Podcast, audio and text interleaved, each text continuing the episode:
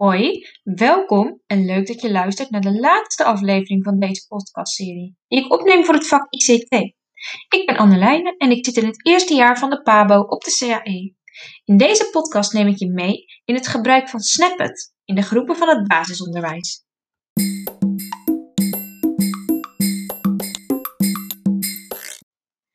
In deze podcast zal ik geen uitgebreide beschrijving geven van Snapit.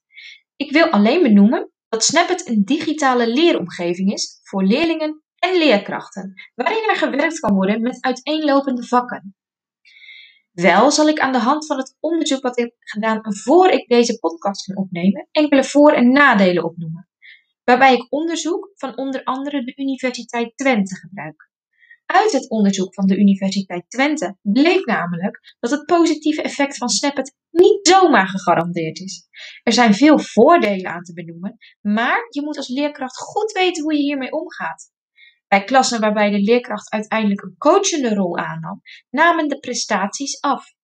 Ik noem de voor- of nadelen van Snapit en ik geef hierbij steeds de toepassing voor het onderwijs, zodat je weet op welke manier je duurzaam kunt investeren in Snapit.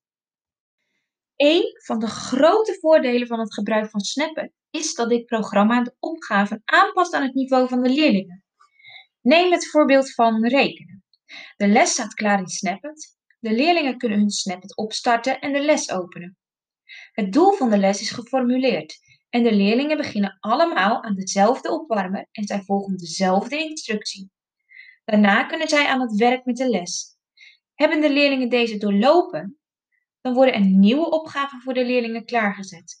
Deze opdrachten zijn aangepast op de manier waarop de leerlingen de les hebben gemaakt, maar ook op het niveau wat over het algemeen via Snapit gemeten is voor de bewuste leerling. Wat is hier nu belangrijk om te weten als leerkracht? Het positieve effect, wat in onder andere het onderzoek van de Universiteit Twente naar, naar het gebruik van Snapit naar voren komt, is vooral gemeten bij goed presterende leerlingen. Sterke leerlingen kunnen op hun eigen niveau verder rekenen met Snapit. Zij krijgen meer uitdaging en kunnen zichzelf daardoor verbeteren. Maar houd tijdens deze lessen de zwakke rekenaars goed in de gaten. Voor hen is de effectiviteit van Snapit minder. Wanneer een leerling de sommen heel moeilijk vindt, verder mag oefenen op het eigen niveau en sommen aangeboden krijgt die veel makkelijker zijn, dan heeft zo'n leerling langer de tijd nodig om het doel van de les te behalen. Een sterke rekenaar is daar al en oefent verder met uitdagende sommen. Wat kun je hier nu in betekenen voor de zwakkere rekenaars? Nou, naast dat Snapit de lessen aanbiedt, is er ook een mogelijkheid voor een werkpakket. De leerlingen kunnen verder werken in het werkpakket wanneer zij bijvoorbeeld klaar zijn met hun les. Of uh, er wordt op, bijvoorbeeld op vrijdag in het werkpakket gewerkt. Vaak is dit aan het einde van de week. Als de lessen geweest zijn, dan zit er in het pakket herhaling van de week of extra oefenmateriaal. Um, hier kunnen de leerlingen ook verschillende thema's of verschillende leerlijnen uit het rekenonderwijs kiezen om mee te oefenen. Als leerkracht kun je tegen de zwakkere rekenaars zeggen dat zij bijvoorbeeld in ieder geval twee of drie keer oefenen met het thema van de afgelopen les, waar zij nog moeite mee hadden. En dan nog iets over de instructie. Snapit bevat instructies die je op het digibord kunt presenteren. Een voordeel voor de leerkracht zou je zeggen. Makkelijk, geen voorbereiding. Nou, helaas is dat zo simpel nog niet. En twijfel ik er eigenlijk over om te zeggen dat ik dit misschien zelfs wel een nadeel vind. Het is heel mooi om zo'n leidraad te hebben voor de instructie. Wel bleek uit het onderzoek dat de effectiviteit van Snapit afneemt op het punt dat de leerkracht meer de rol van coach aanneemt. Toen de leerlingen nog rekenden uit een boekje, gaf jij als leerkracht instructie voor het bord. Daar werd steeds al meer het digibord bij gebruikt. Daar gebruikte je eventueel ook de handleiding bij. Maar je las niet enkel de handleiding voor. Als leerkracht houd je ook bij Snapit de verantwoordelijkheid voor de leerlingen. Snapit is opgebouwd volgens het directe instructiemodel. Dit is een model voor leerkrachtgestuurd onderwijs. Jij blijft dus de belangrijkste onderwijzer voor de leerlingen. Je bent niet vervangbaar door een digitaal programma, door een computer, een tablet of een digibord. De instructie die Snapit aanbiedt, sluit wel volledig aan op de les. Maar als leerkracht is het goed om hierbij te bedenken op welke verschillende manieren je lessen kunt aanbieden, de instructie van Snapit kunt ondersteunen. Je kunt bijvoorbeeld concreet materiaal meenemen ter instructie, ter verduidelijking van de instructie van Snapit. Je kunt de leerlingen op wisbordjes laten meeschrijven bij de sommen die horen bij de instructie en bij de begeleide inoefening. Op die manier heb je de controle van begrip van de directe instructie te pakken en betrek jij de leerlingen bij jouw les, die je wel geeft aan de hand van de Snapit-instructie, maar waar jij toch een eigen draai aan gegeven hebt, doordat jij weet waar jouw leerlingen behoefte aan hebben. Snapit kan uiteindelijk de sommen aanpassen aan het niveau van de leerlingen, maar Snapit kan nog niet van tevoren bepalen waar jouw leerlingen behoefte aan hebben qua instructie. Dus dat is en blijft jouw taak. Uit het onderzoek bleek dat de prestaties van de leerlingen die een leerkracht hadden die na verloop van tijd enkel de Snapit-instructie aanbood, daalden. En dat Snapit geen meerwaarde meer had op papieren methodes. En dat leerlingen op sommige punten zelfs minder goed gingen presteren. Iets waar ik mij over verbaasde toen ik het onderzoek van de Universiteit Twente las, is dat de motivatie van leerlingen nauwelijks toeneemt door het gebruik van Snapit.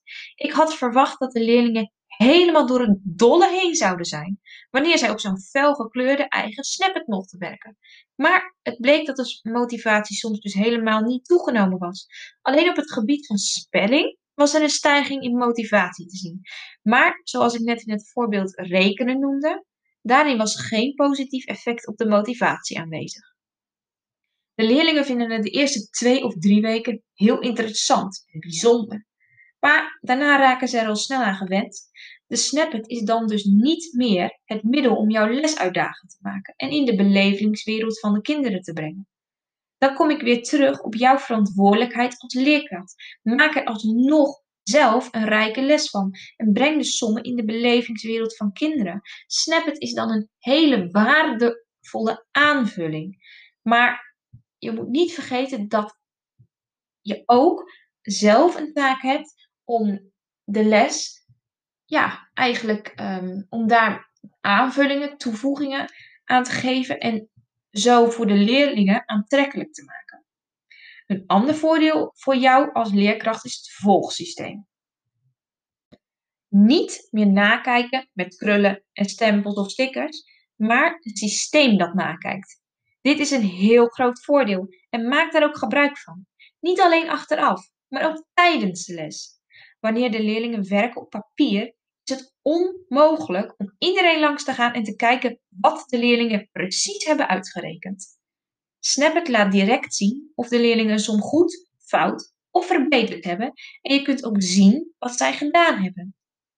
Wat kun je hier dan mee in het onderwijs?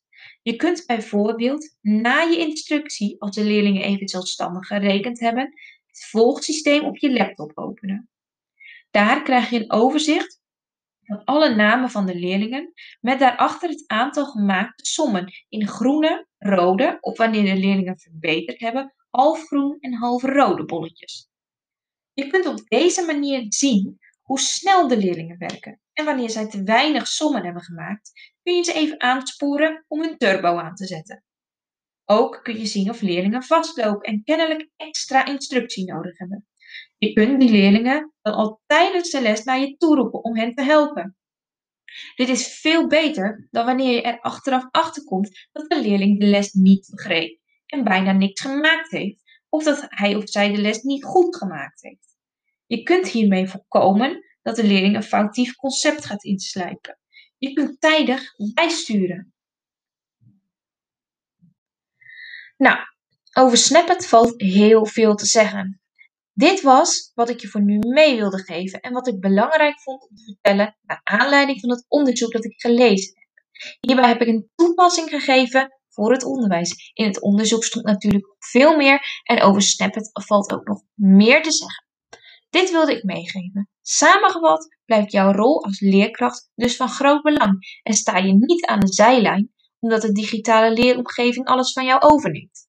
De digitale leeromgeving is een heel handig hulpmiddel en een waardevolle aanvulling op de les wanneer jij jouw rol als leerkracht vervult, doordat jij weet wat de behoefte is van jouw leerlingen. Op deze manier is het investeren in bijvoorbeeld rekenen via Snapchat duurzaam en heeft dit zeker een positief effect op de leerprestaties van de leerlingen. Dankjewel voor het luisteren naar deze podcast en veel plezier met je lessen.